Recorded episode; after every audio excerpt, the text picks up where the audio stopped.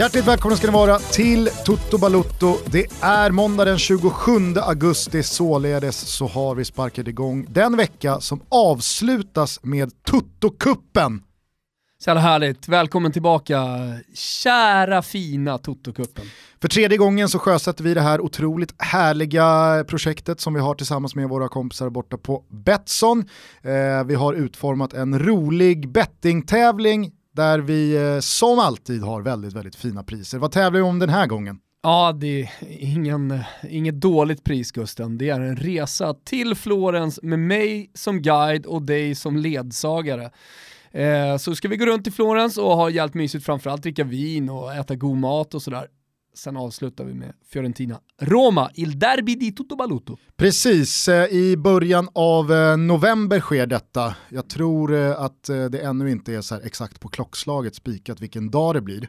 Men omgången är satt till söndag 4 november. Mm, Betsson frågade oss, vad är det finaste priset man kan vinna om man tänker sig en fotbollsresa?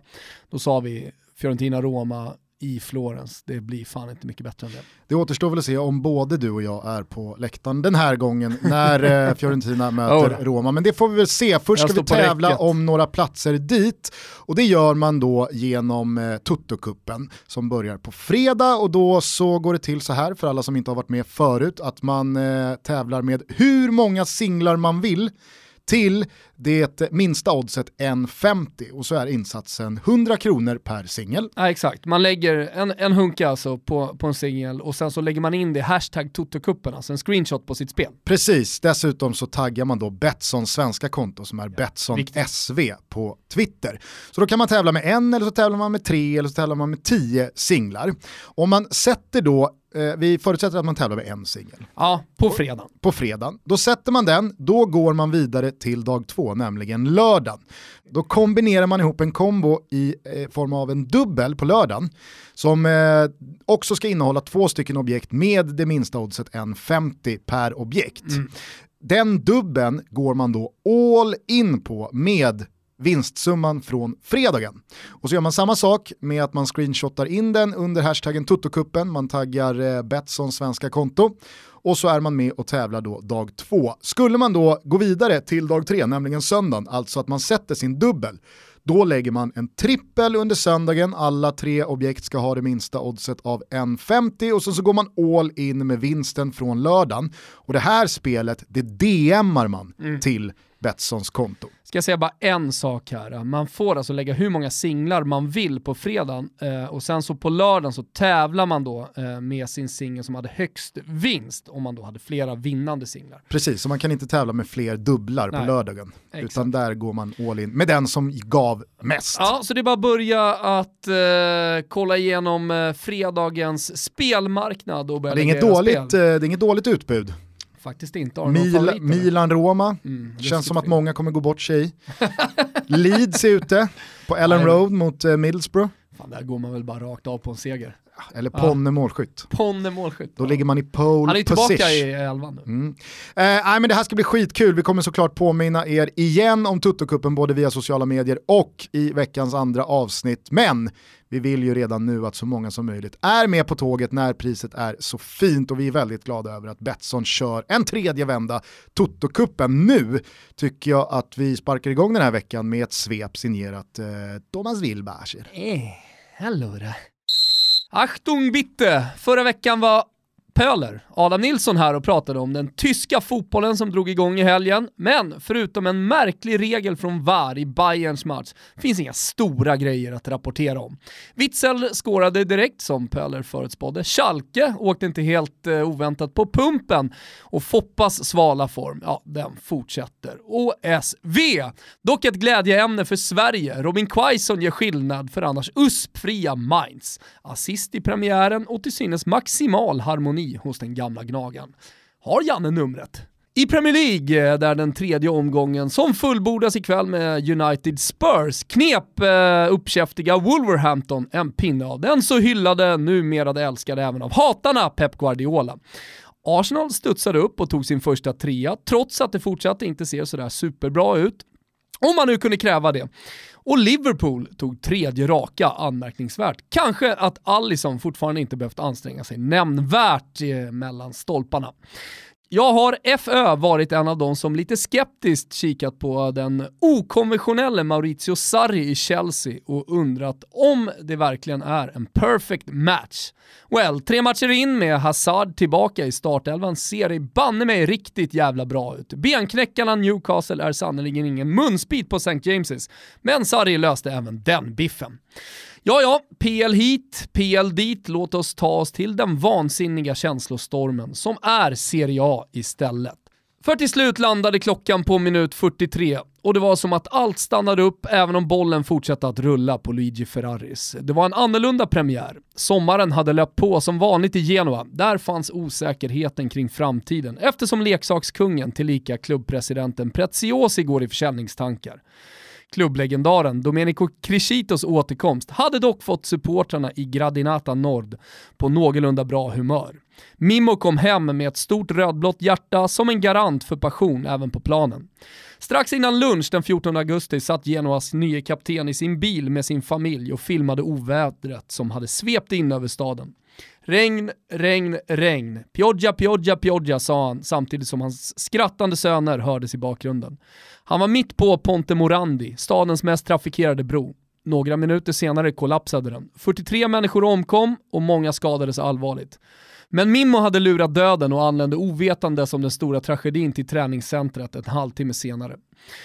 Den första omgången av Serie A spelades utan Genoa-lagens deltagande. Sorgen var för stor och frågan om varför den här tragedin hade kunnat ske för många och obesvarade.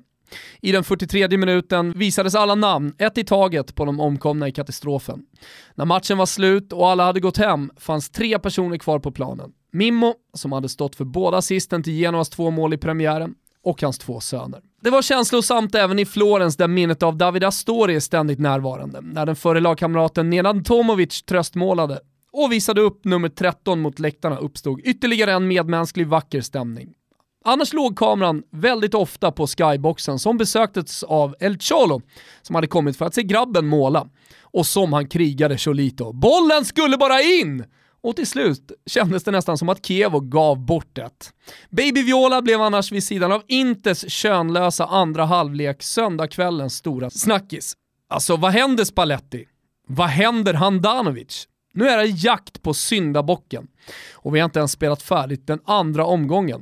Är verkligen paniken rättfärdigad Gusten? Det får du svara på sen. Mycket kan man säga om den italienska fotbollen, men en sak är säker. Man lämnas IAF aldrig oberörd. Slutligen en liten kik in i El Fotboll. Pinitoro sa Bale och Walesan svarade “Tjena! Vilken match av Reals nya supernyckel samtidigt som Benzema snubblade in både en straff och ett offside-mål. Annars nollades Betis i Alaves med Guidetti på plan en halvtimme, Barca tog en krampaktig trea och Griezmann sköt Atletico till första segern. Slutligen konstaterar att Nice torskade med 4-0 på hemmaplan med Super Mario Balotelli på läktaren. Det är bara att köra rätt in i startelvan om det ska bli något av den här sessen va? Härligt! FÖ, OSV, IAF, PL. Jag testar lite. Mm. Alltså du, du inledde ju här med PGA. Ja, så nu testar jag lite. Ja. Vilka kändes bäst? OSV funkar. Eh, det finns en, eh, en eh, kedja, klädkedja som heter OVS i Italien som man kanske tänker lite för mycket på. Eller? Nej, inte jag. Jag drog inte den parallellen kan jag säga. Eh, jag noterar att du utelämnar den sprakande allsvenska söndagen i ditt svep. Eh, om du har varit med i den här podcasten de senaste åren eh, så vet du att när jag svepar då är det så som jag eh, också grundade svepet, bara Europa. Ja. Ja, ja, det, det, det var ju annars en eh, otroligt eh, sprakande söndag i Allsvenskan. Å andra sidan, det är så här 5-0 där, 4-0 där, AIK vinner 2-0, jag vet inte hur jävla mycket det sprakar. Jo, men jag tyckte alltså, ändå det var... sprakar för mig, det är ju eh, Napolis vändning mot Milan, vinner 3-2. Sprakande ja. för mig är en match som innehåller två lag. Jag menar, det var ju tre matcher om den här sprakande allsvenska omgången som bara innehöll ett lag per ah, match. Okej, okay. jag tyckte det i alla fall hände mycket. Eh, vi, vi, ska alldeles strax eh, tillbaka till ditt Gillar eh, fina krönika för övrigt. Ruskig sågning av Trellehulla. Ja, men den var väl på plats. Å andra sidan så måste man ju säga att eh, Trelleborg, ja, de tappade inte så jäkla mycket mark på botten i uh, Nej nej men vad fan, det är väl prestationen som någonstans sticker ut här. Eller icke-prestationen kanske man ska säga. Kunde ju blivit 10-0 till AIK. Det var ju en helt sanslös asfaltering. Jo för att det var ett lag på planen. Annars bara kort, jag tycker att uh, den här ångestpucken mellan Djurgården och Elfsborg verkligen levde upp uh, till sprakande. förväntningarna. Mm. Alltså, tyvärr så var ju inramningen inte den bästa, det var väl typ bara 7000 på plats. Fast å andra sidan så var ju inramningen, för det måste man ändå säga, bra av de som var där. Ah, ja. alltså, och, den och bidrog ju också till ångestpuck-känslan. Men det där kan man återkomma till eh, väldigt många gånger. Jag förstår att andra allsvenska supportrar, speciellt de rivaliserande, kanske gör sig lite lustiga över publiksiffran 7000. Eh, men vilka var det som stod på Nacka IP när Djurgården låg i ettan på 90-talet? Jo men det var samma gubbar som sitter i slakthuskurvan och som står, ja nu kanske inte de unga då, men ändå som står i klacken. Alltså det, det, är de trogna supporterna som i slutändan, alltså när det kommer till de här hela matcherna, när det känns som att säsongen är över, som fortfarande går på fotbollen. Så att, eh, snarare känner jag för att hylla dem än, än att såga de som inte kom. Ah, ja, vi behöver inte såga någon, absolut kan vi lyfta på hatten för de som var där. Eh, jag tycker i alla fall att det var en eh, otroligt sevärd match, sett till eh, vad båda lagen är i för fas av säsongen. Eh, många vet säkert att det slutade 2-2 igen mellan de här lagen, de brukar ju spela eh, lika på två. Eh, Elfsborg gjorde mål igen, Djurgården var på väg att vända 0-2 sista kvarten till seger. Um, det var, det, det, var en, en härlig allsvensk stund måste jag säga. Mm. Och jag tycker det fanns fler igår, uh, alltså Gall i Malmö uh, gör ju ett par otroliga mål efter att Malmö väl fått hål på Sirius. Ruskigt tveksam straff alltså. Ja. Som spräcker det där dödläget. Men sen så var det ju 5-0 och ett Malmö som, noterade du att de börjar prata lite guldjakt? Mm, jag märker. Det är, det är fortfarande 11 poäng upp, eh, sen börjar man kolla på de Men det är också 11 matcherna. omgångar kvar. Ja exakt, så är det 11 omgångar kvar, väldigt många poäng att spela om och framförallt så tajta matcher, tuffa matcher för både Bayern och AIK. Jag menar om eh, Malmö mer eller mindre skulle gå rent, jag tror att 11 poäng är alldeles för mycket. Men, men eh, det, det är klart att de skulle kunna knapra in så att det ändå känns, eh, eller pulsen känns av i alla fall nere i Malmö också inför titelstriden. Ja, och jag tyckte faktiskt Axén eh, var väldigt rätt på det igår i lilla ministudion efter Djurgården-Elfsborg med För övrigt mycket Granqvist. mer positivt till ministudio än studio med blanka golv. Ja, det känns som att eh, experter, programledare oavsett vilka som står i ministudion lever upp på ett helt annat sätt. Ja. ja men, eh, det han var inne på var att eh, han har upplevt det som att så många eh, är så fast övertygade om att det är så här tabellen kommer att se ut. Och Guldet kommer stå mellan AIK och Hammarby, eh, nedflyttningsstriden kommer handla om de lagen som eh, är där nu och de som är i mitten kommer vara i mitten. Eh, han sa det att liksom, det känns som att det återstår tre omgångar av allsvenskan, herregud det är elva omgångar kvar, mer än en tredjedel. Det är 33 poäng kvar att spela om för majoriteten av lagen och så gav han då ett exempel på att han någon säsong, jag vet inte vilket år det var, eh, han tog sin tredje seger med Örebro i omgång 20 och det var liksom, aha, det här blir ju katastrof. Men sista nio omgångarna så tar de sju segrar och två kryss och avancerar upp till eh, i princip övre halvan. Så att det finns nog en fara för de lagen som tror att det mer eller mindre är klart i vilken fas och i vilken del av tabellen man parkerar nu. Och där, ja, alltså jag ser ju också i vilken form eh, AIK är inne i och att Bayern verkligen ser ut att mena allvar. Men lag som Malmö som har den kapaciteten, som har den bredden på truppen och som har kanske också lite slagläge i och med att ingen räknar med att de ska blanda sig i. Eh, så tror jag absolut att så här, ja, kan Malmö dundra på med tre, fyra, fem raka segrar till? Mm. Äh, jag säger inte att det kommer bli något guld för Malmö, men jag, jag, jag, jag ställer mig äh, bakom det Axén säger att mm den här allsvenska tabellen är ju långt ifrån spikad. Liksom. Jo, nej, men så är det. Så måste man ju säga en sak om eh, Galls första mål. Det är ju en sträckt vrist i en höjd som man sällan ser bollar gå in i. Alltså en meter över marken. Det är underskattade sträckta vristare där. Ja. Det, det Jeremejeff har ju en sån eh, till 1-0 mot uh, BP igår också. Han kommer fri från fyra meter och drar den bara mm. rätt mot Jeremejeff målvakten. Jeremejeff hit och Jeremejeff dit. Ja, allt är ju såklart bara en tass på tå runt gröten. Erik Fribbe Friberg gör ju årets mål. Ah, vilken jävla balja. Ja. Otroligt vacker. Han hade alltså. lovat mig balja veckan innan och så kom det nu. Ja. Kanske han kan ta det lite lugnt på lördag då. Mm. Åker till Solna. ja, det blir väldigt spännande att se också. Det vore ju väldigt mycket Andreas Alm att eh, sabba den här eh, förlustnollan Ja, för AIK. Men du, vad fan, ska vi inte göra så att vi ringer inrikeskorrespondenten? han svarar ju aldrig, ju testa.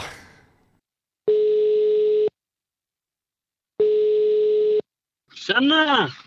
Passar att ringa nu va? Jajamän, gör man en sån där strut då kommer samtalet. Ja, fint alltså. Det var ingen dålig strut Fribben. Det, det var... eh, Vi hade något. Det skulle varit lite högre kanske. Ja men det håller jag faktiskt med om. Hade det varit lite högre så för hade... ja, men då hade det kunnat vara nominerad vet du. Framöver. Ja. Vad tror du inte att det kommer orka hela vägen in i fotbollsgalan? Svårt att se det alltså. Men det hade varit enda anledningen att gå på galan i år så att det, jag håller tummarna. Du gjorde ju en stark insats där eh, senast för några år sedan. Ja. Det fan är jag får gå på galan efter det.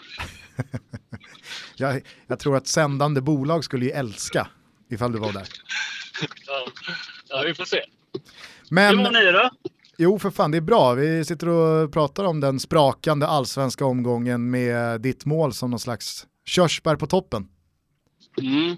Det var kul. Men de var inte bra BP? Nej. De, vet du, de hade ett gäng borta också i- igår. Coachen bland annat. Ja.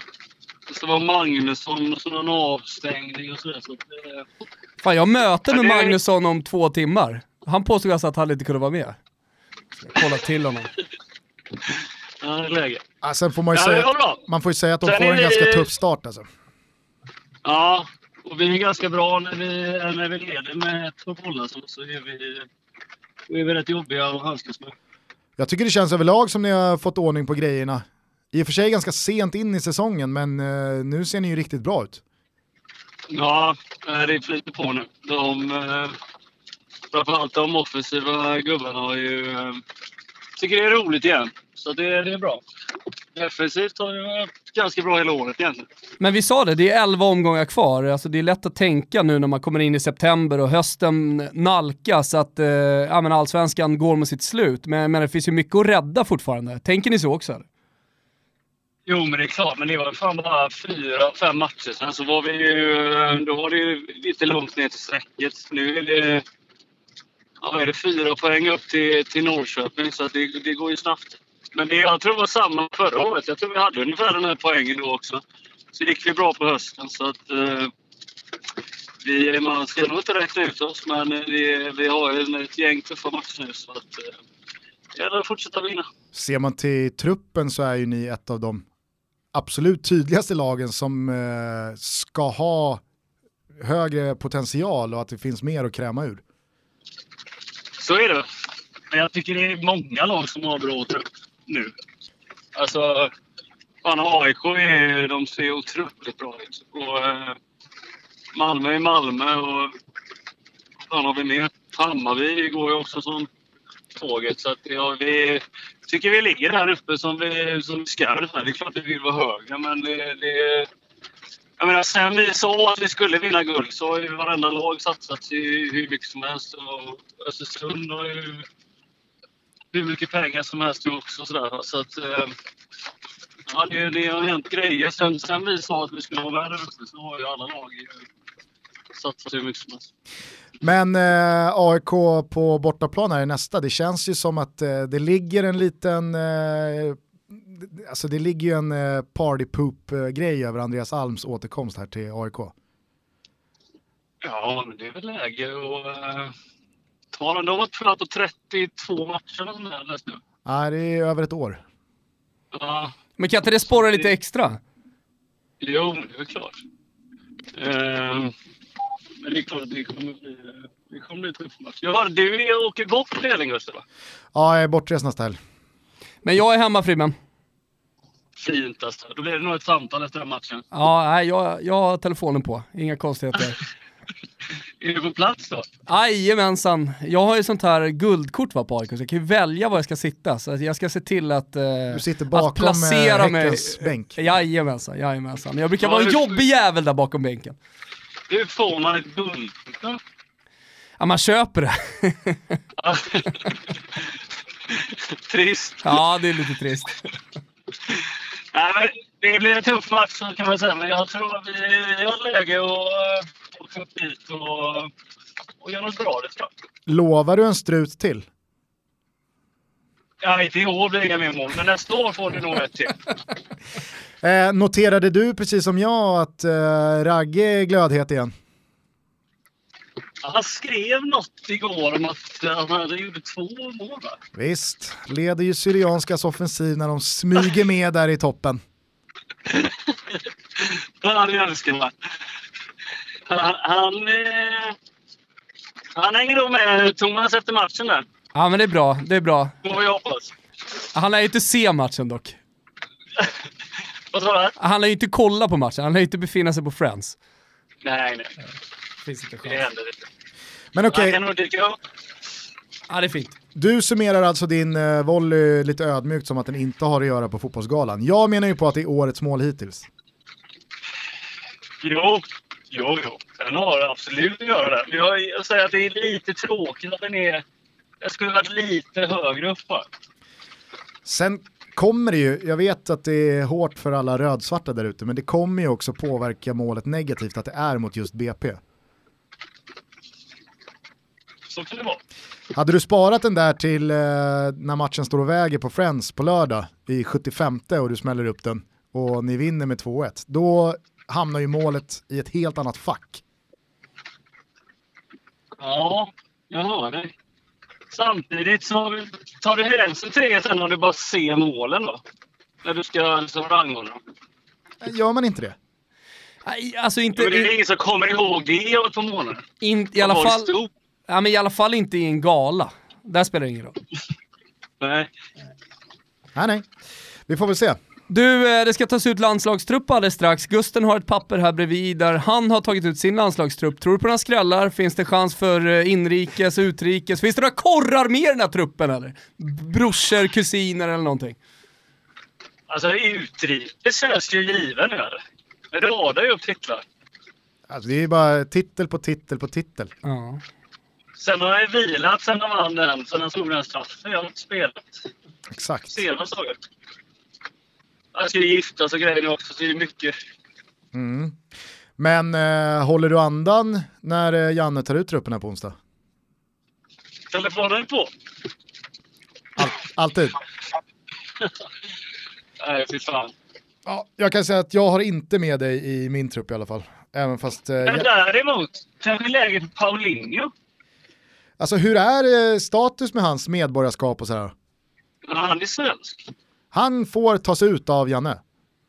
Ja, det tror jag. Ja, Men det är ju väldigt många som skriker efter Linus Hall- Hallenius. Eh, och om man nu ska ha med Linus Hallenius så borde man i alla fall diskutera Paulinho. tycker jag verkligen. Alltså. Är det verkligen väldigt många som skriker efter Hallenius? Så, eh, Det är i alla fall några, det räcker för mig. Det är väl Sundsvallssonen Daniel Disco Kristoffersson som typ drev om det på Twitter. Nej, jag är inte säker på det alltså. Vad har ni för... Har ni några skrällar med då? Ja, men eh, jag slår ett slag för Joel Asoro. Ja, jag kan inte svara på det. nej, inte jag heller, för det är ingen som har sett honom spela och jag misstänker att Janne inte heller har en, en, aning om Ja, vad han nej, har uträttat. Drömmen är ju att brevet skickas till Jallavallen i Södertälje och att Ragge sitter där och sprättar upp det. Redo att infinna sig på park. Och tycker att det känns ganska rimligt. Och lite jobbigt. Exakt. Ja, vad fan. Jag har ju tänkt att... Det var ju fri helg. Ja. Ja. Ja, vi får se. Men eh, fan Ja. vad fint det var att se den där struten igår. ja, kul. Ja, stort grattis Fribbe och så tar vi lite lugnt då på, på lördag. Ja, till en början. Sen kan vi väl öka senare. Ja, men jag tror det, det kan nog bli lurigt. Vi får se. Ja, hälsa Falsetas från mig. Vad ska jag säga då? Nej, hälsa bara. Jag tänker på honom ibland och blir glad. Ja. Han gjorde också mål igår. Ja, ja, jag vet. Det rimmar, dock, det rimmar dock inte med honom att hålla på och volta sådär tycker jag. Nej, det känns larvigt. Det Jag ligger, tar det, det jag det ligger en eh, fotledsfraktur i korten där. ja, det är fint. Ja, det är bra. Eh, det är bra vi hörs. Mors mors. Ja, det. Nej. Tjena. På tal om målfiranden som går åt helvete Gusten. Eh, Albin Ekdals före detta lagkamrat i Hamburg har ju nu gått till eh, Eintracht Frankfurt. Eintracht Frankfurt. Du Gjorde pratar om. Nikolaj Müller. Exakt, Nikolaj Müller. Det måste vara ändå ganska många som minns hans målfirande och efterföljande skada. Han gör en piruett, en, en Brolinare. Brolin-liknande, exakt, en Brolin-liknande piruett, landar illa och drar korsbandet. Precis, i Hamburgs Bundesliga-premiär i fjol. Ja, och han var nyckelspelare. Jag säger inte att de hade klarat sig kvar med Nikolaj Müller, men de har i alla fall haft lite större chans med honom på planen. Eh, han följde inte med dem ner, kanske inte att eh, Hamburg hade råd, eh, utan gick till Frankfurt och gjorde mål i helgen. Ja, eh, enligt uppgift så kom det ingen brolinare Nej, efter målet. nej. Det hade ju dock Knappt varit, handen upp. ja, men det hade ju dock varit lite så här cirkelslutning. Att jag ska ha den där jävla Ja, brolinan. är det inte det man säger så här, mentalt för att komma över till exempel en sån där skada, alltså skidåkare som har ramlat för att komma över, ja men då åker man till Hanen, Kanen, Remmen och, och, och kör liksom värsta sluttningen på, på is i längdskidor bara för att liksom mentalt känna sig redo, bilkrasch och så vidare. Snabbt upp på hästen igen. Mm. Så eh, jag såg inte målfirandet men eh, det, hade, det, hade varit, eh, det hade varit kanske på sin plats. Ja, Nej, men eh, en eh, sprakande allsvensk söndag var det i alla fall. Nu kan vi väl sätta tänderna i det som har hänt utanför Sveriges gränser och så återkommer vi till den där landslagstruppen lite senare. Ja, Vi är denna vecka sponsrade av Stay Hard, Sveriges största onlinebutik modemässigt för män. Det finns över 250 olika märken i sortimentet och med koden TUTTO så får man 20% på alla ordinarie priser. Vet du vilket märke som glöder just nu, i alla fall i Stockholm? nej. Och du vet hur det är? Jag är dålig på Glöder i, modescenen just Stockholm, nu. glöder i Stockholm, då, då, då börjar Ja. det snart glöda lite överallt. Jag skickade ju precis eh, innan sändningen här eh, ett mess till Axelsson borta på, eh, borta på Stay Hard. Eh, det är inte så, eh, alltså jag går in och beställer saker, utan jag frågar honom, vad bör jag beställa? Ja. Eh, och så kör jag det via honom.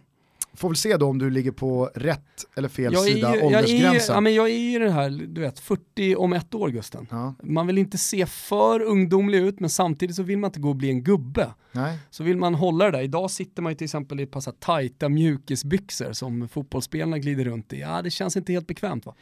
Märket som glöder i alla fall är ju Fila. Som det är tillbaks. Du kan väl bara kort eh, berätta vad Fila hade för status i början på 90-talet? Ja, det började egentligen eh, i slutet på 70-talet när Björn Borg var sponsrad av Fila. Alla minns de klassiska eh, pikétröjorna som han hade och inte minst då pannbandet med F. Eh, I början på 90-talet så var det ju det, det stora, stora märket. Man skulle ha Fila-skor, man skulle ha Adidas-byxor eh, och varför inte en Fila-hoodie? Alltså det var ju Lite, på den tiden så var det lite av ett kickersmärke i början på, så på lite, 90 va? Nej, ganska stort. Eh, men som såklart också spred sig. Så det, var, det var ett ortenmärke kanske man framförallt ska säga. Nu är det ju trendigt i alla möjliga, eh, möjliga olika modegrupper. Som jag förstått det, jag bär gärna filaplagg. Nu för tiden så är ju eh, Fios eh, tröjsponsor Le Coq Sportif, men de Ja. hade ju en jävligt fin period måste man ju säga. Med Nintendo. Ja. Ja, det, var, det var ruskigt fint. Eh, det som har hänt dock i sponsvärlden, eh, vet du vad det är? Nej. Det är att Björn Borgs son har ju blivit sponsrad av Fila nu. Ja men du ser, de har, de har ju koll på grejerna där borta på Absolut. marknadsavdelningen Absolut. och Fila har ett helt fantastiskt sortiment på stayhard.se Mm. så jag tycker verkligen att eh, om man som jag känner den här fantastiska revival-vågen som Mm. Fila har fått så in och klicka hem en hoodie eller två varför inte ett par byxor? Så kan vi ju kitta upp oss lite så här orthuddigt under hösten. Ja, och det är ju 20% eh, om man eh, lyssnar på den här podcasten. Man uppger bara koden TOTO när man checkar ut och betalar så får man 20% på hela sitt köp, ordinarie priser som gäller. Och det är ruskigt givmilt och vi säger ett stort tack till Stay Hard. Eh, sprakande allsvensk söndag var det i alla fall. Jag tycker dock eh, att du är eh, inne på mycket roligt också i ditt svep. Händer mycket i Italien. Inter redan fem poäng bakom Juventus. Ja, Oj oj oj. Ja, men det, det, var ju panikstämning i de olika italienska studierna igår. Eh, det skulle jagas en syndabock, var det Handanovic, var det Spalletti med hans sena byten? Det har ju blivit en följetong det här, att han, att han inte riktigt kan ändra på matcher och att han väntar för länge med att ta in. Du såg Lautaro Martinez, vår gubbe från Argentina som har kommit in. Fick alldeles för få minuter var det många som tyckte. Eh, men att man kommer ut i den andra halvleken, det som konstaterades i alla fall i, i, i den italienska Sky-studion, det var ju att Inter uppenbarligen inte har eh, fysiken, konditionen för att spela så intensivt i 90 minuter. För att första 45 var ju galet. De liksom pressade ner Toro i knäna på Sirigu. Och det var liksom, ja, det, det, det kändes som hungriga vargar. Eh, ja, man var ju inte och fingrade mot på, elva får. Man var ju inte och fingrade på live-krysset. Nej, verkligen inte. Jävlar vad de körde. Och sen så den andra halvleken då så är det som att eh, de går på pumpen, alltså rent fysiskt. Eh, Toro kommer in i matchen, gör det jättebra, Matsari utan att liksom göra någon egen taktisk analys. Skruvar säkert på en del grejer också. Eh, och sen så blir man, blir man ju också eh, inbjudna i den här matchen. Eh, sen, Belotti gör det jättebra när han, när, när han eh, vrider, eller vad gör han, vrickar bort Andanovic, men det är ju en sanslös målvaktstavla. Eh, men jag tror, alltså det var därför jag ställde frågan i svepet, jag tror inte att man ska drabbas av panik efter eh, två omgångar. Ja, det är klart det är lätt att kolla på tabellen och säga ja, man är redan fem poäng efter. Ja, och så gör Juventus en platt match kanske de inte gör på hela säsongen. Men det gjorde de förra säsongen i inledningen i alla fall. De tappade poäng där eh, och så är de där fem poängen bara två poäng. Så att eh, jag är i alla fall inne på att man, man ska lugna sig lite.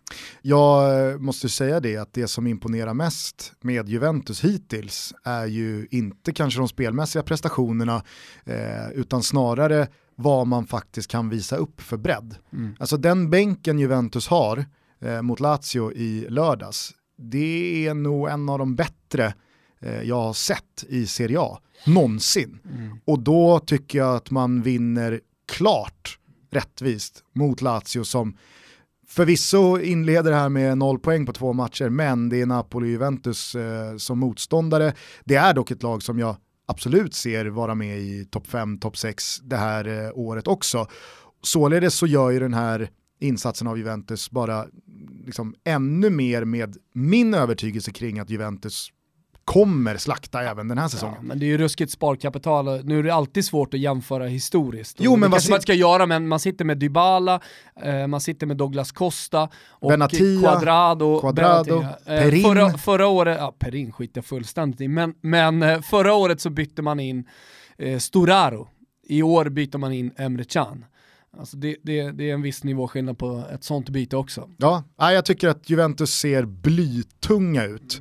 Och det känns också väldigt rimmande med det, hur man har tagit de här segrarna. Mm. Man har inte varit på femmansväxel, Ronaldo har inte ens gjort målen, man har inte bjudit på show. Nej. Man har det... sex poäng, man har städat av Kiev och Lazio, eh, konkurrenter har redan tappat pinnar, så att, eh, nej, det är det känns som att den gamla damen är ännu lite äldre. Ja, nej, så är det. Sen var det ju, bara för att stanna kort då i den italienska fotbollen, var det en otrolig match eh, på lördagskvällen mellan Milan och eh, Napoli. Den innehöll ju så mycket i och med att, eh, ja men dels är det ju ett stormöte, som alltid har fått Italien att stanna upp eh, som, eh, ja, som, som, enskild fotbollsmatch. Eh, sen spelades den utan att det var några andra matcher samtidigt. Eh, Napoli hade inlett bra då, de vann ju också mot eh, Lazio på bortaplan i premiären, trots att det var många som var skeptiska till, till sommarens Mercato. Eh, och sen eh, självklart Ancelotti på ena sidan, Gennaro Gattuso på andra sidan. Eh, Gattuso har kallat eh, Ancelotti för sin broder, eh, de, inte på svenskt sätt bror, utan för sin bror. och, eh, Fan man vet att Ancelotti inte har kallat Gattuso för sin bror. Ja, verkligen. eh, ja men det var ju Il Maestro mot eh, Laljevo mot eleven och eh, ja men fint på något sätt sådär. Man känner ju historiens vingslag, man känner att man blir äldre när sånt eh, när den typen av match i match eh, sker. Och så eh, dessutom Iguain tillbaks. Och så Iguain tillbaka på, på planen, så vägar så korsades även där och eh, Milan som leder efter 49 minuter med 2-0 och det känns hopplöst för Napoli. Då ändrar han om det, han kör 4-3 4-2-1 eller 4-2-3-1 eh, med en ruskigt offensiv uppställning och helvete vad bra Napoli blev. Eh, alla som missade det här, eh, synd för er alltså. Det är bara att gå rätt in på strivan, strivesport.com och signa upp, eh, ladda ner appen, det kostar 79 spänn i månaden för att se den här fantastiska italienska fotbollen. Då får man dessutom alla La Liga-matcher med på köpet också. Eh, men jag tycker verkligen synd om de som inte såg den här matchen, för det, det, det, det var det bästa i helgen. På tal om sprakande, alltså, det var så jävla bra match. Vet du vad som är en riktigt fin liten bonus just nu när man eh, sitter på ett eh, Strive-konto och kan kolla Serie A och La Liga? Nej. Det är ju PGA-värmen då, mm. eh, på den Iberiska halvön. Att eh, många spanska matcher börjar först kvart yeah. över tio på kvällen. Det var ju igår då, söndag kväll, min tjej ligger bredvid och undrar sig, är, är det inte slut snart? Ja, oh, det är tilläggstid där på Inter eh, Torino. Ja, men sen släck, nej, nu börjar Girona Real Madrid. Va? Nu?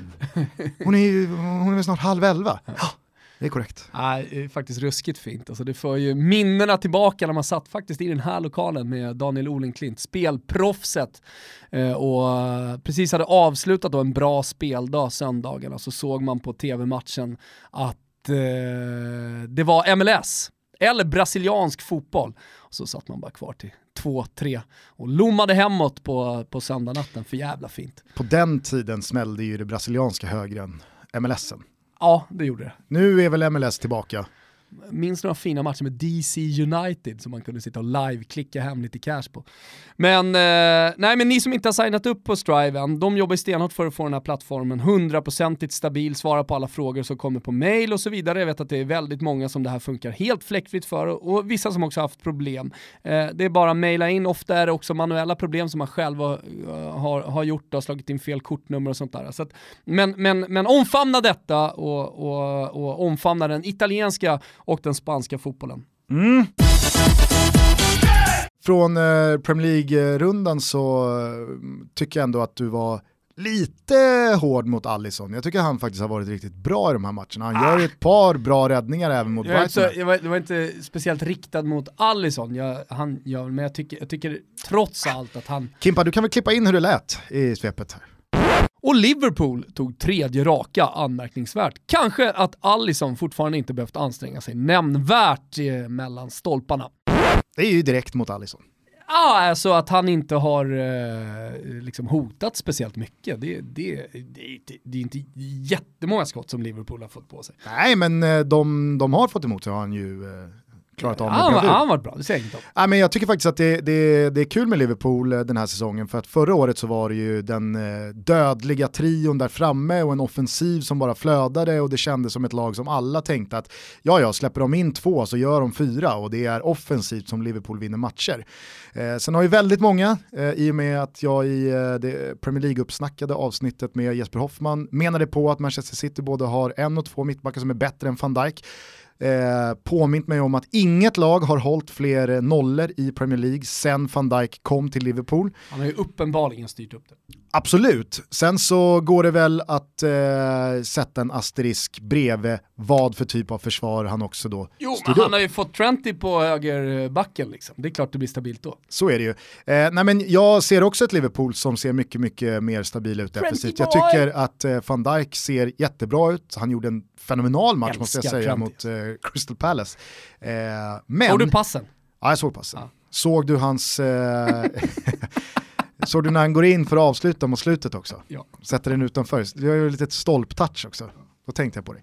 Eh, nej men eh, det, det, jag tycker att det, det, finns någonting när lag som har en sån offensiv eh, prägel på sig och i ett år eller en säsong har excellerat framåt också styr upp sin defensiv. Nu har man tre raka nollor, förvisso inte mot något eh, jättetufft motstånd, men jag, jag, jag, jag ser ju också ett Liverpool som egentligen bara har förstärkt offensivt. Så att där eh, är jag inte ett dugg eh, Nej, osäker till... på att man kommer vara med och vara bland de bästa lagen, inte bara i England utan även i Champions League också. Kan man på det addera en mer stabil defensiv, vilket jag tycker man har gjort hittills, så ser ju Liverpool verkligen ut att vara på riktigt. Mm. Eh, här kan man ju komma in på den här tålamodsdiskussionen som jag ser florerar framförallt kring allsvenskan. Eh, inledningsvis så var ju inte Liverpool-spelarna redo för att eh, spela med eh, Klopps eh, extremhöga och extremintensiva press. Det var många som gick sönder, sen så fick han en, en sommar på sig, det funkar inte riktigt, alltså det flög framåt absolut, pressen, pressen funkade stundtals men man tappade också in ganska mycket mål på kontringar. Men tålamodet har gjort att eh, laget då har eh, kunnat hitta harmoni även i, i eh, försvarsspelet och den sportsliga ledningen har kunnat då lägga till spelare som van Dijk som har gjort att det ser mer stabilt ut. Däremot, under hela den här tiden så har ju faktiskt anfallet, eh, anfallsfotbollen funkat. Och som du säger, mycket riktigt så har det liksom flygit fram, så det har alltid funnits någonting positivt kring det. Eh, ibland, alltså man, eh, det här, det här är en ruskigt skev jämförelse, men ibland när man till exempel då kollar på eh, Tellins Elfsborg, så kan jag ju tycka att det finns väldigt lite som funkar. Alltså det finns lite att omfamna och tycka är positivt och känna hopp inför framtiden. Eh, stundtals kan jag känna likadant med, med Poja och, och, och, därför tycker jag att den här tålamodsdiskussionen ibland blir lite skev. För att jag tror att eh, i vissa lägen, när omklädningsrummet inte är intakt, eh, när man går lite för långt, så är det bättre att byta helt enkelt. För att fotboll är absolut långsiktigt, men det kan också vara kortsiktigt. Ibland är den kortsiktiga lösningen eh, den som ser lite desperat ut den bästa. Ett uh, ypperligt... Uh... Det lär historien oss, Gusten. Ja, Någonting som historien har lärt mig också är att ett ypperligt eh, bevis för att en defensiv är stabil och på plats och solid är när man av olika anledningar, det kan vara skador, det kan vara avstängningar, eh, tvingas slänga in en ovan och eller oprövad spelare på en av nyckelpositionerna i defensiven och det funkar ändå. Eh, det tycker jag att eh, Joe Gomez här i Liverpool mm. är ett ypperligt exempel på.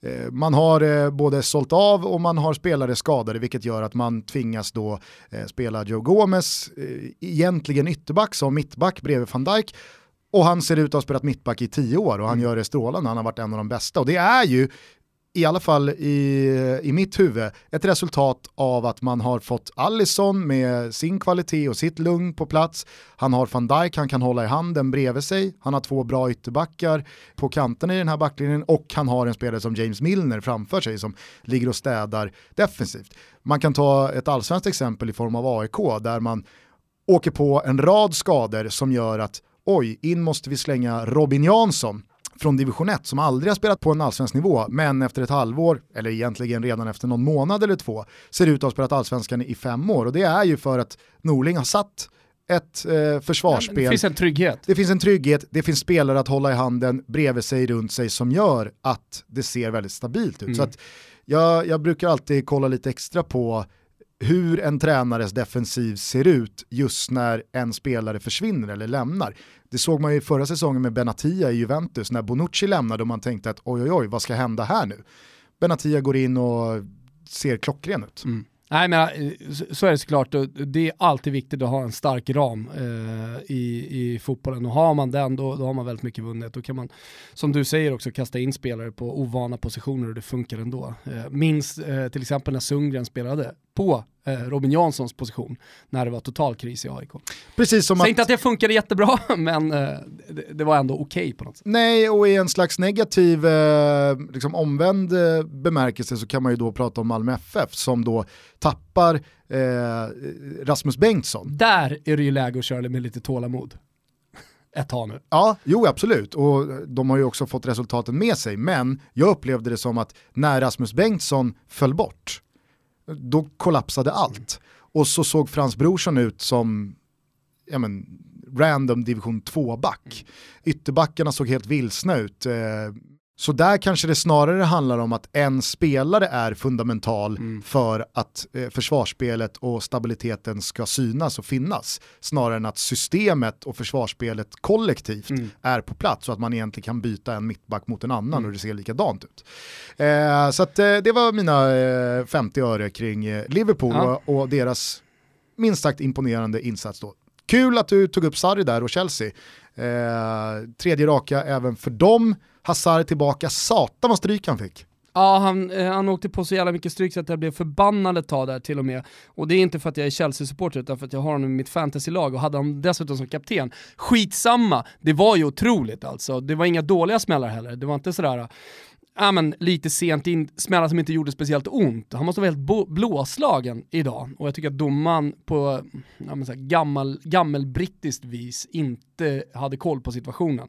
Utan han borde ha, borde, borde ha stävjat det tidigare tycker jag i matchen. Ja, han la ju ribban jävligt högt mm. för att hur Newcastles 1-1 mål kan godkännas mm. efter den armbågen upp i Giroux ansikte, det är helt sjukt. Ja. Helt sjukt alltså. Ja. Eh, men eh, jag, jag vet Cred inte. till, till honom dock. För att han står upp, tar sig lite för munnen. Vem? Giro. Han gick ju i backen så det sjöng om det. Ja det kanske han gjorde. Jag, jag minns bara en reprisbild där han står och tar sig lite för munnen. Ja jo, det, det var någon minut Nu är det så att han låg ner och uh, kved. Jag menar det är många, men ändå jo, många som hade gjort det för att markera att domaren hade fel. Ja, ja jag, jag vill minnas att han gjorde det. Ja, okay. Skitsamma. Jag kan vara helt snett på det här. Ja, eh, Sarri har i alla fall efter den där hemska insatsen i Charity Shield mot eh, Manchester City fått fart på grejerna. Och som det... man alltid säger, en match som inte har någon jävla betydelse. Nej, alltså uppenbarligen. Nej, men eller hur, alltså, man pratar jävligt mycket om försäsongen och matcherna där. Och sen nu är vi liksom två eh, omgångar in i Serie A, tre omgångar in i, i England och Bundesliga har spelats. Och ingenting av de här matcherna har, eller ingenting i de här matcherna har egentligen någon betydelse. Nej, kanske inte. Det man däremot pratade väldigt mycket om var ju det här, och det tror jag inte man ska vifta bort. Eh, eh, liksom att Sarri behöver tid för att få sitt lag att spela sin fotboll. Det märkte man i Empoli, man märkte det i Napoli, man kommer märka det i Chelsea. Ändå har han tre segrar på tre omgångar och ett ganska tacksamt schema framför sig. Så att han har ju verkligen fått en superstart på sitt lag. För även fast det finns delar i de här tre matcherna som inte har sett kanon ut så får han med sig resultaten. Och det är ju otroligt viktigt i en tabell som Premier League. Sen har ju Saris eh, stora problem i Napoli för att vara med ja, nu var man väl långt in på förra säsongen, visserligen, men ändå man orkar inte riktigt på våren. Får vi se hur han hanterar och det har vi varit inne på flera gånger, eh, så vi ska inte älta det, men framförallt hur han hanterar julen och det tajta spelschemat som kommer där. Eh, nu är det Champions League också om några veckor. Klarar han, klarar han av att rotera, ja men då tror jag att Chelsea har någon, någonting att göra med titelstriden i alla fall. Men är det bara jag som ser på N'Golo Kanté som att han ser vilsen ut? Jo men det gör han väl.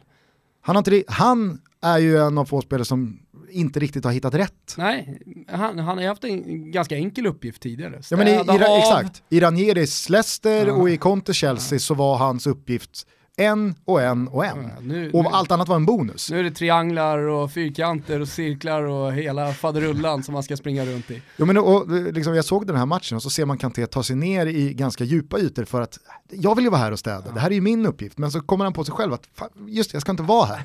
Så här, ge mig bollen istället, ska jag göra någonting konstruktivt istället. Och så går inte det heller bra. Han får vara lite smekmånad, den sarianska smekmånaden eh, är han inne i just nu. Mm. Nations League, stundar. Yep. Eh, Janne tar ut eh, sin första landslagstrupp post succé-VM i Ryssland mm. eh, på onsdag klockan 12 eller 1 eller när det nu är. Eh, och så ska vi träningsspela mot Österrike innan Turkiet kommer på besök eh, på Friends Arena. Vi har även Ryssland i vår Nations League-grupp. Och eh, tack till den lyssnare som har jagat Känns... rätt på att det är en pokal, det är en buckla. Jajamän. Hur man vinner den, Futuristisk. jävligt oklart. Spansk arkitekt på den bucklan. Ja. Eh, men det var ju precis som eh, du lärde oss förra veckan då, eh, som så att vi ska spela Nations League under hösten. Ja. Och vår grupp, grupp B, går i mål då i mitten på november. Mm. Och utifrån det så går vi sen in i ett EM-kval. Så det finns ingen EM-kvalgrupp lottad Nej. än. Nej. Och det man kan ha med sig om man inte orkar grotta ner sig i precis alla regler, det är att det är bra att, att vinna de här matcherna. Då har vi större chans att ta oss till EM. Så det eh, finns all anledning att gå till Friends och hälsa VM-hjältarna välkomna och jobba in ytterligare en seger. Då. Verkligen! Joel Asoro sa du till eh, Fribben. Ja, Nej, men jag tycker ju att eh, en sån här start på en ny landslagscykel också ska prägla truppen. Mm -hmm. eh, nu är inte jag någon eh, fundamentalist här som tycker att vi ska rensa ut allt det gamla och man ska ta in en drös med oprövade nya namn.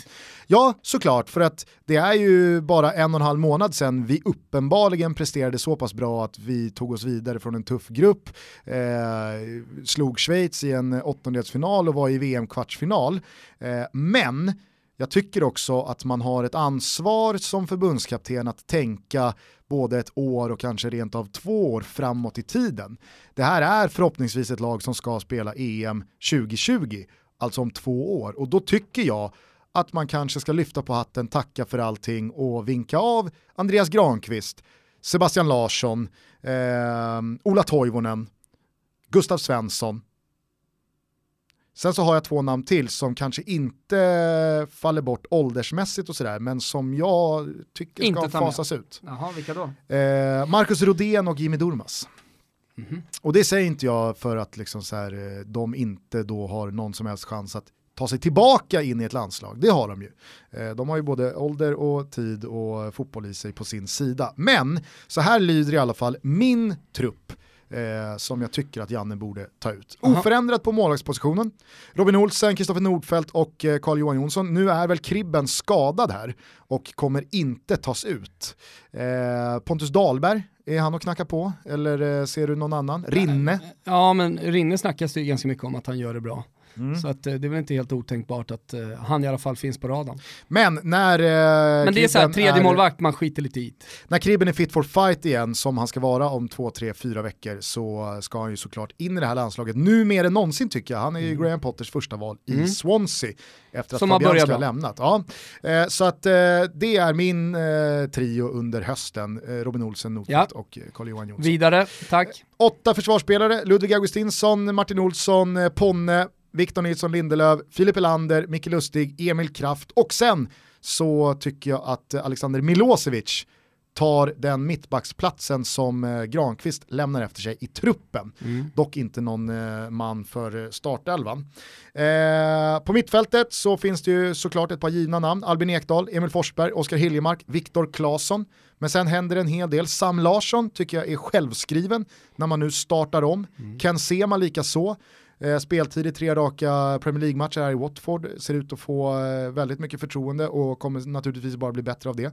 Eh, Robin Quaison nämnde du i svepet, eh, startman och en viktig kugge för Mainz. organisatör. Ja men precis, i en bra liga, i ett lag som inte är något strykgäng och besitter ju eh, kreativa, konstruktiva kvaliteter som fotbollsspelare. Går ju dessutom att använda både centralt på en kant som släpande. Eh, så att, ja, jag tycker verkligen Robin Quaison har gjort sig förtjänt av att få chansen på riktigt. Och sen så tycker jag som enda allsvenskt bidrag i denna eh, mittfältsdel, eh, Kristoffer Olsson, verkligen eh, har eh, gjort det bra så pass länge här nu i U21 och framförallt den här säsongen då i AIK. Ja, det känns som att eh, han, precis som du nämner också, U21, eh, att han har liksom varit med i landslagsdiskussioner även på juniornivå, eller via juniorspelet eh, så länge att eh, det är dags att testa honom. Ja, och jag tror att Sverige och Janne är ett eh, fotbollsland och ett fotbollslag och en fotbollsfilosofi som behöver lämna det lite mer hårdföra, destruktiva bakom sig och bli ett mer spelande, ett mer tekniskt det skickligt... Det vet fan, men uh, det är aldrig fel med, med, de, uh, med de alternativen i ett lag i alla fall. Nej, och jag tycker också att spelare idag på den högsta nivån besitter fler sidor av sig själva än bara vara en mm. jordfräs. Alltså Gustav Svensson han är ju inte speciellt många olika spelare i en och samma kropp. Å andra sidan, nej exakt, sina... å andra sidan så var han ju fullständigt fu fundamental för att vi skulle ta oss till det här mästerskapet. Alltså, han, var, han var ju grym på San Siro när han fick komma in för Jakob Johansson. Ja. Är han helt bortglömd eller? Nej han är inte helt bortglömd utan där har jag tagit liksom lite höjd för hans eh, ja. långa frånvaro. Kom tillbaka och visa att du ska ha den här truppen att göra. Precis, Tack. och där kanske då eh, Robin Quaison då ligger lite pyrt till för att jag kan tänka mig att balansmässigt mm. så är det väl eh, han som i sådana mm. fall skulle ryka om man vill ha in Jakob ah, ja, men anfallare då? Eh, I anfallsleden så har jag egentligen bara ett skifte och det är Joel Asoro som då får eh, ta Ola Toivonens mm. truppplats. Har han gjort mål han eller? Eh, ja, har han gjort en Ja, kasse? det vet du inte, fast du tar ut han i jag tror, landslagsgruppen. jag tror fan han har gjort en kasse. Max en kasse alltså, okej. Nej men jag tycker verkligen att eh, Joel Asoro, Såg att han hoppade in bland annat, han startade inte ens i Swansea i den eh, engelska andra ligan. men du vet det är mycket matcher. Man kan inte bränna, Nej, man kan inte bränna spelare direkt. Det är ju Känslan med Joel Asoro att det är bluff. Nej, eh, dels så är han inte bluff, men dels så är han ju en spelartyp som behövs. Ja. I och med Nej, att man men har, alltså, jag i och med att man skojar har förbisett Danne i alla Ja. år, Mm. Så får man väl nu gå till liksom, eh, en eh, Daniel Larsson light. En. Ja, jag, Daniel sko jag Larsson skojar junior. lite men det det, det är bara så här att man, man, man är så snabb på att eh, fånga upp unga snabba eh, spelare som är lite på gång innan de, innan de har etablerat sig i ett lag och, och kanske en liga. Och jag vet att han fick speltid i fjol och han har gjort det bra och är kanske den unga anfallaren som är mest intressant just nu. Ja. Så att eh, det är väl inte helt otänkbart. Däremot så, om nu pratar allsvenskan, nu har Carlos Strandberg varit skadad, men, men där har du en riktigt bra anfallare. Ja, jag, har liten, jag har en liten eh, kategori här som heter knacka på dörren-gänget. ja. Har du Paulinho med där? Nej men eh, alltså jag har, inte ens, jag har inte ens tänkt i de banorna. Eh, Han är inte aktuell för det brasilianska landslaget i alla fall. Nej, det lär han inte vara. Eh, däremot så försöker jag minnas vem det var som eh, det var en eh, jävla kampanj för att man skulle ta ut i det svenska landslaget. Var det Afonso Alves? Ja det var det. Eh, Om det Ey! är han du tänker på eller inte vet jag inte. Men Eller var det, vad hette han, eh, brassen i AIK? Pirakaja, inte Pirakaja. Eh, finska brassen. eh, som, eh, var, som kom från eh, Gais. Jaha, eh, Wanderson. One, nej, han var aldrig AIK. Eh, jag pratar om eh, Eh, Du tänker på Wilton Figueiredo? Ja, precis. Wilton Figueiredo. Han vill jag minnas att snacket gick kring att ska man se över möjligheterna att få honom till svensk medborgare. Samma sak gällde ju Wanderson, men den jag initialt tänkte på från början var Peter Idje. Kommer? Ja, han ja, öste in helvete. mål i Malmö FF och man började kika på möjligheterna till att göra honom svensk och att man således kunde ta ut honom i landslagstruppen. Men eh, Fribbe kanske har någonting där. Ja. Alltså går det så eh, borde man i alla fall kika på det, för är det någon lagdel jag tycker verkligen ser ja, men svag det är lite öppet. Vi, Ehm. vilka anfallare hade du? Kan du dra dem igen här? Ja men jag har ju då alltså Marcus Berg, eh, Isak Kiese som jag tycker har stärkt sin Ah, aktie eh, i och med klubbytet eh, till eh, Bayer Leverkusen. Ja, Han borde ju ta Toivonens plats bredvid Ja. Berg. Precis. Eh, och sen så, hur man än vrider och vänder på det, så är ju John Guidetti med i en landslagstrupp. Ja, fast jag tycker inte man behöver vrida och vända på speciellt mycket. Han ska vara med. Det finns väl eh, hyfsat adekvat argument för att Guidetti inte direkt har levererat. Han, han, han, han nyckelspelare i, ett spanskt mittenlag. Jag, jag. Ja, nej men han är med i, i min trupp här. Eh, men eh, Joel Asoro då eh, tar eh, platsen i truppen efter att vi Ja. har tackat Ola Toivonen för sig.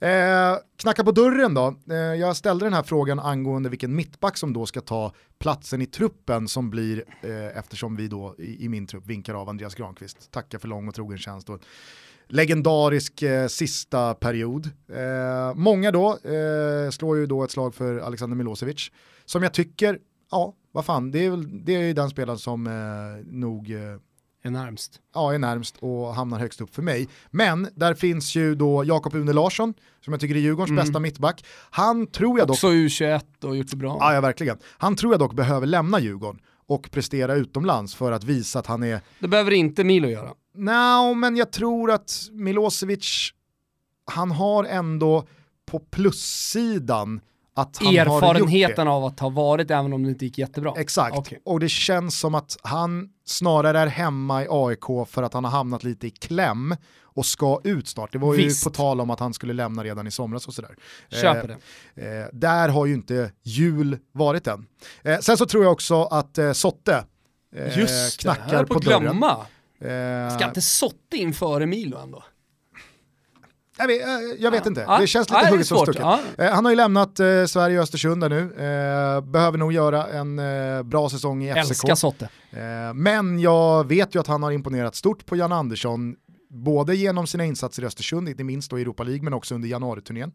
Eh, så att eh, Ska inte Sotte, Filip Pelander ändå få ryka så tar vi in både Sotte och, och, och, och inte mig emot. Nej, jag ska säga att han startade igår i Bologna, eh, som spelade 0-0 eh, mot Frosinone. Mm. Eh, jag tycker också att eh, trumman där ute, inte minst då påhejad av Pöler, eh, viskar om Mikael Ishak. Ja, jo. Så att gör han en bra höst i Bundesliga, för det har jag skrivit här som asterisk, att han behöver ju bevisa sig i Bundesliga och inte bara Till göra skillnad från 10, Nazoro. 12, 14 mål i Schweitel. Mm. Till skillnad från Azor. Oh, Fast Ishak känns ju som en anfallare som Du snarare... tänker bara på ålder här. Nej, jag tänker på roll. Alltså vad man har för Fast det gjorde du spetsegenskaper. inte när du tog Quaison istället för uh, Joakim Johansson. Eller någon annan Joakim defensiv. Johansson. Vad är han heter då? Jakob. Ja, jag sa ju det. Ja, Jag, jo, det gjorde jag ju. Jaha. Jag menade ju på där att Sverige kanske behöver Ah, följa ja, ja, med ja, ja, i okej. den eh, fotbollsmässiga utvecklingen, att Jag gå från brunket till Ja, men du, bolllirandet. du är lite mer shining va? Janne är lite mer eh, Lagerbäck, lite mer stabilitet och Sen lugn. så tycker jag, alltså, det är ju såklart Big Mike Lustig emot. Eh, ångar han på som vanligt så Vilket det, han gör. Ja, så är det inget snack om eh, att han ska spela högerback. Och då kanske det är lite hugget som stucket. Men så fort Lustig börjar vackla så sitter ju mallen redo där borta Jajamän. i the Big Apple. Ja, Inga problem att ta in honom. Gustav Svensson, eh, han är ju på något sätt också den som gör det möjligt. Förstår vad jag menar? Ja, och alltså så här, MLS för Jan Andersson inte är ett problem. Eh, jag har ju mallen, alltså Anton Tinnerholm, Mm. utanför och Emil Kraft i truppen. Men jag tycker att Emil Kraft är mogen här när han lämnar Bologna för att han vet att ja, det, det verkar inte bli speltid för mig. Och då istället går till eh, ett lag i eh, Liga 1 i Frankrike. En av de bästa på plan får högre betyg än Saman Ghoddos i eh, Ghoddos eh, premiär som han också gör mål i. Mm. Eh, det är ju värt att påpeka, som han fiskade upp från eh, Fredrik Pavlidis headlines va? Ja, i Amiens. Eh, och jag tror också att Emil Kraft älskas av Janne. Ja, det tror jag också. Eh, men på något sätt ska vi såklart få in mallen. Han står ju där och knackar på med hela Ja, sin men, uppenbarelse. jag, jag, jag tror, vad det gäller Janne så tror jag alla spelare som underordnar sig kollektivet på något sätt är ju då individer som älskas. Ja. Eh, sen så har jag ett namn här som jag bara har eh, bredvid skrivit. Ja, och det är Tibbling. Mm.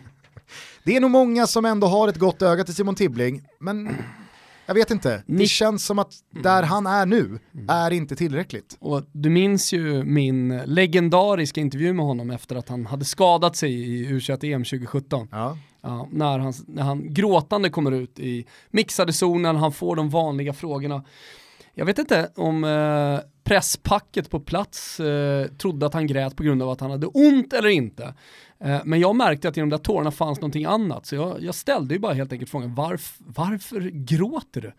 Och varpå Tibbling säger att ja, det här kan ju varit min sista match i ett svenskt landslag någonsin. Det är alltså en 22-årig gubbe som säger det. Ja, Fan lite, coraggio, mod! verkligen.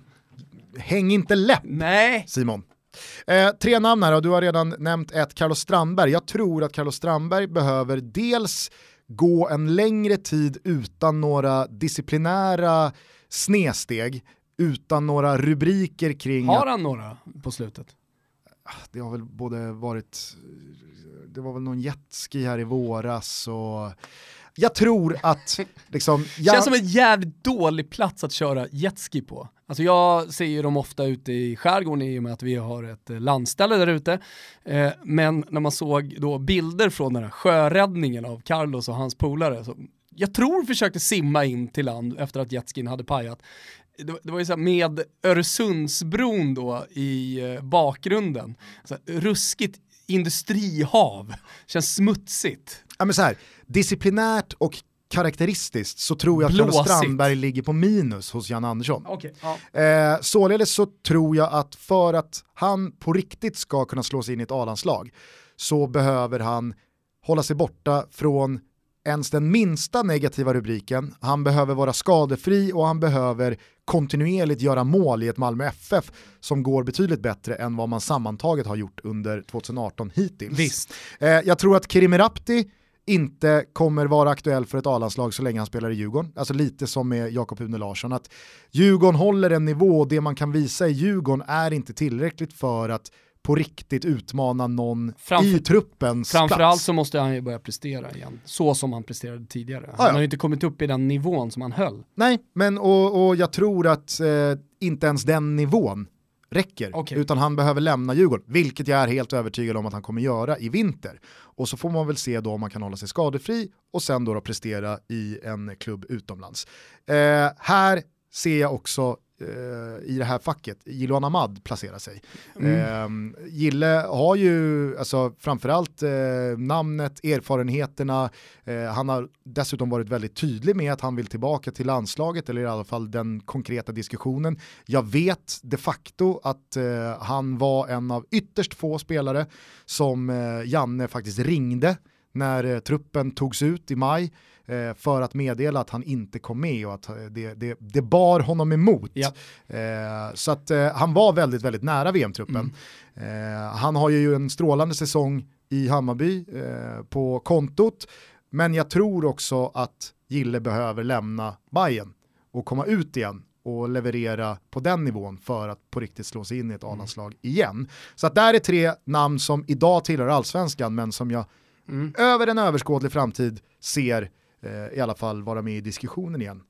Eh, har du några invändningar eller saknar du några? Jag tänkte bara... Så eh, framförallt har jag inte speciellt eh, starka känslor och eh, jag ska inte säga att jag inte bryr mig, har du någon du jobbar lite extra då? Någon, alltså, såhär, något enskilt namn som du tycker ska vara med Nej, i... faktiskt inte. Inte ens Sam, Eh, även fast vi är jäv i målet där.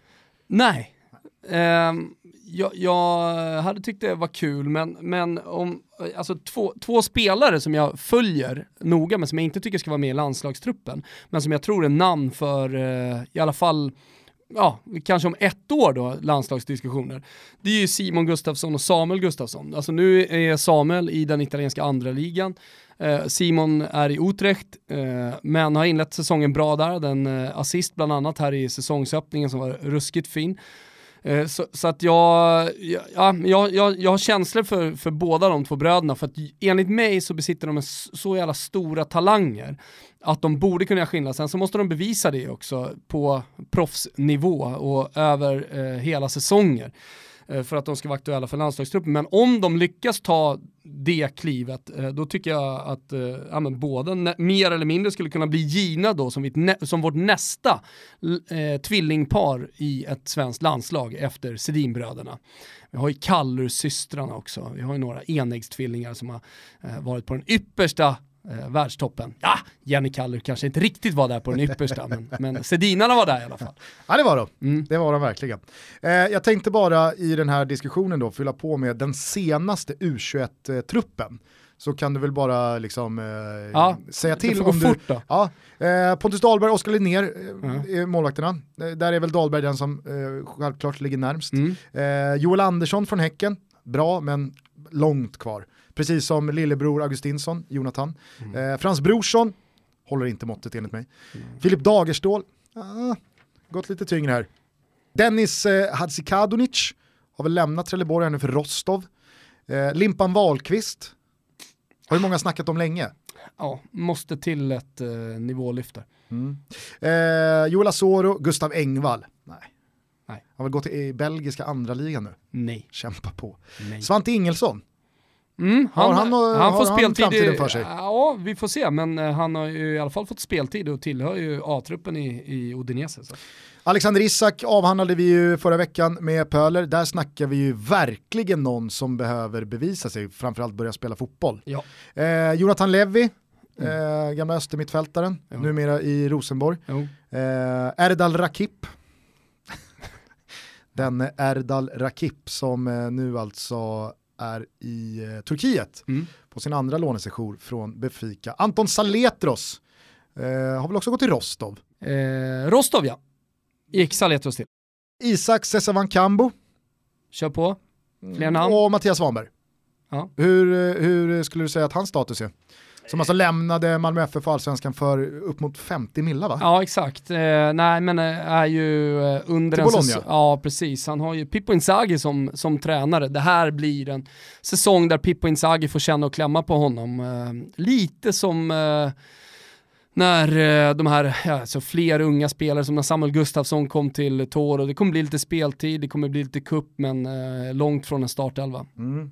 Ja, men det, det, är inga namn där som du tycker Nej. jag Nej, har liksom glömt Nej, ta med i min diskussion. inte. Absolut inte. Däremot så tycker jag att man kanske är lite taskig mot eh, Marcus Rodén eh, som eh, hela tiden har gjort det jättebra i, i Crotone. Och Han är så lätt är bra... att flytta på. Ja, Han är så lätt att offra. ja, det köper jag alltså. Det köper jag. Och, ve, ve, ve, alltså, för, lite, li, alltså, så här, det rimmar lite med det som man pratar om kring Tibbling. Ja. Alltså, Rodén känns som den som skulle lättast Ja. ta en petning av Janne. Han men- skulle säga, ja, Men, okej. men kring A-truppen överlag så tycker jag att de som är ute i Europa i de stora ligorna, det är dags att steppa upp lite. Det är dags att ta lite jävla ansvar. Det är dags att bli eh, fullständigt fundamentala i de lagen som man befinner sig i.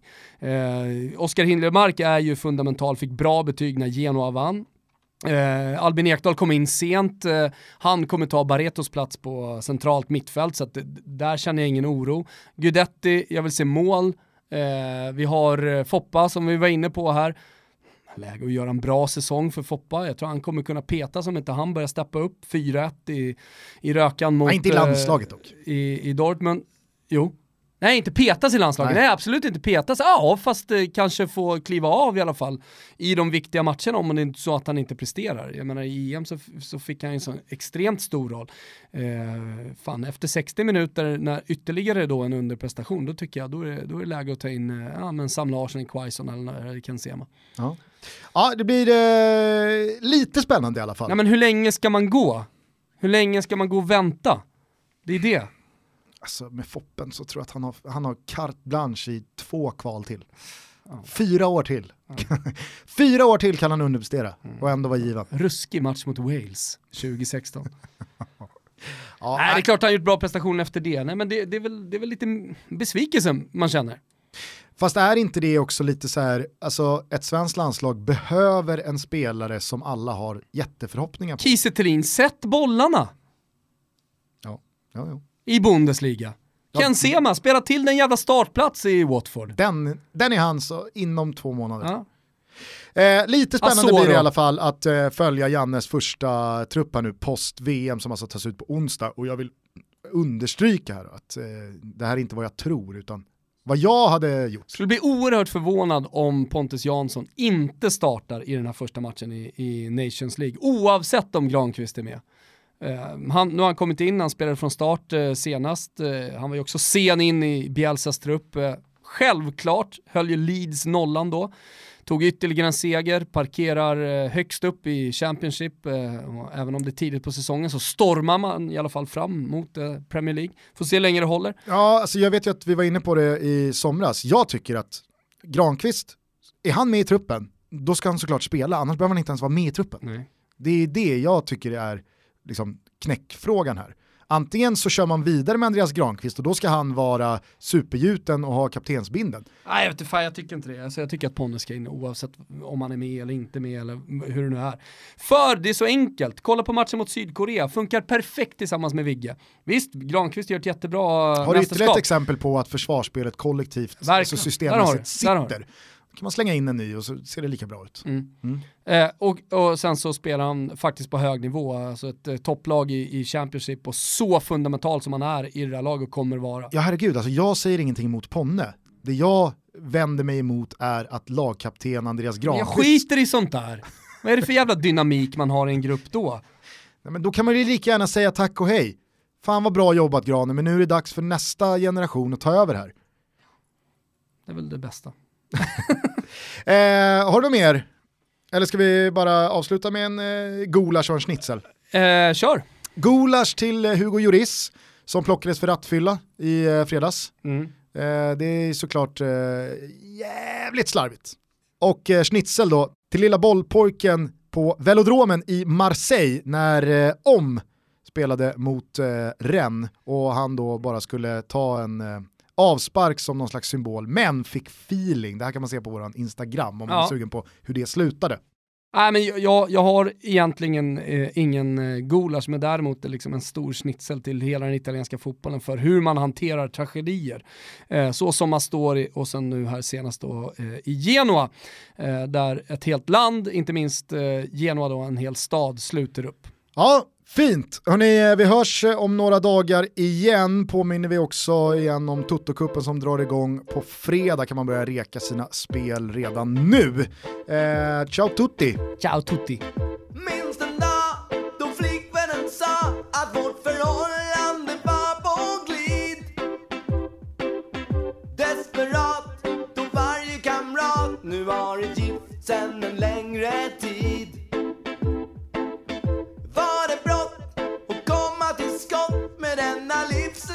livslånga trohetssed?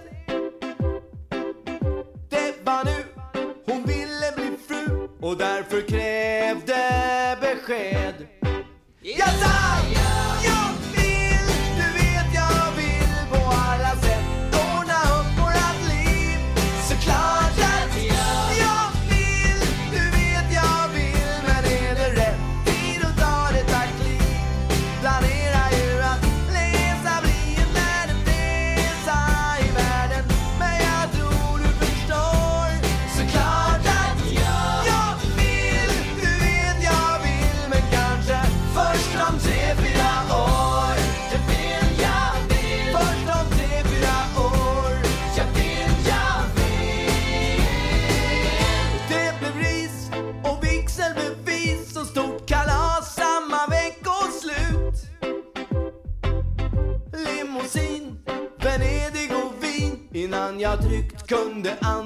Ut.